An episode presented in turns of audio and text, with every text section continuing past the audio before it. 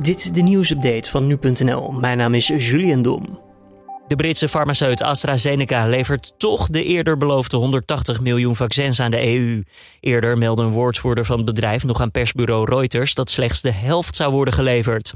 Productie binnen de EU is goed voor zo'n 90 miljoen doses. De rest zal nu worden aangevuld vanuit het internationale netwerk van AstraZeneca.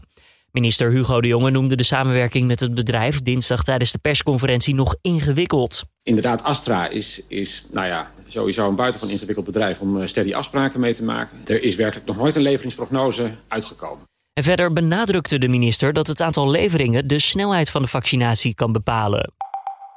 En die vaccinatiesnelheid is belangrijk, want ondanks dat grofweg 1 miljoen coronaprikken inmiddels zijn gezet, biedt dit aantal nog onvoldoende bescherming om grootschalige versoepelingen door te voeren, al dus minister De Jonge. Hij verwacht het omslagpunt, waarbij zodanig veel mensen zijn gevaccineerd dat het risico van het virus beheersbaar is, niet voor het tweede kwartaal van dit jaar. Dat vaccinaties al effect hebben op het virus bleek gisteren. Sinds het begin van de vaccinatiecampagne nam het aantal positieve tests onder bewoners en medewerkers van verpleeghuizen namelijk af. In het tweede kwartaal moet, indien de leveringen dus goed gaan, flink worden opgeschaald wat betreft het aantal vaccinaties. Honderden Nederlandse bedrijven testen hun personeel op drugsgebruik en daarmee overtreden zij de privacywet. Werkgevers gaan voor de test soms in zee met commerciële testbedrijven en daarover schrijft Trouw. Bij personeel wordt dan speeksel afgenomen, waarna deze gecontroleerd wordt op ongewenste stoffen. Maar hierop testen mag dus niet zomaar. Enkel de bedrijfsarts zou zo'n test mogen uitvoeren en de uitslag daarvan die valt onder het medisch beroepsgeheim. Wel zijn er wettelijke uitzonderingen voor bijvoorbeeld chauffeurs en piloten. Maar ja, deze tests worden dus gedaan in sectoren waar zo'n test niet normaal is. Zeven agenten die betrokken waren bij de arrestatie van een 41-jarige zwarte man in het Amerikaanse Rochester vorig jaar worden niet vervolgd. De arrestant kreeg bij zijn aanhouding een anti-spuugkap over zijn hoofd en werd vastgehouden op de grond.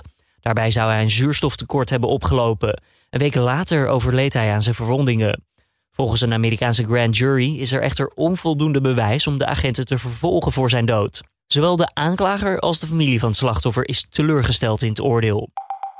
De Amerikaanse topgolfer Tiger Woods, die gisteravond gewond raakte bij een eenzijdig auto-ongeluk, zou mogelijk te hard hebben gereden. Woods zou de rand van de weg hebben aangetikt en vervolgens een boom hebben geraakt, met zijn wagen die daarna meerdere keren over de kop ging.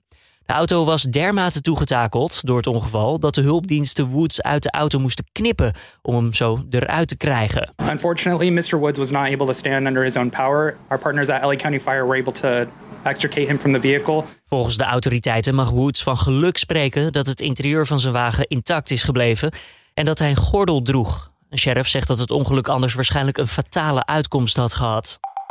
Vorig jaar vertrokken meer mensen uit de Randstad dan dat er nieuwe bijkwamen. Vooral stellen zonder kinderen en vijftigers en zestigers verlaten vaker dan voorheen het stedelijk gebied in het westen van Nederland.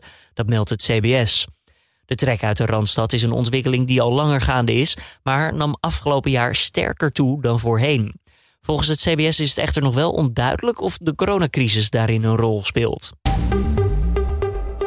En dit was dan weer de nieuwsupdate van nu.nl.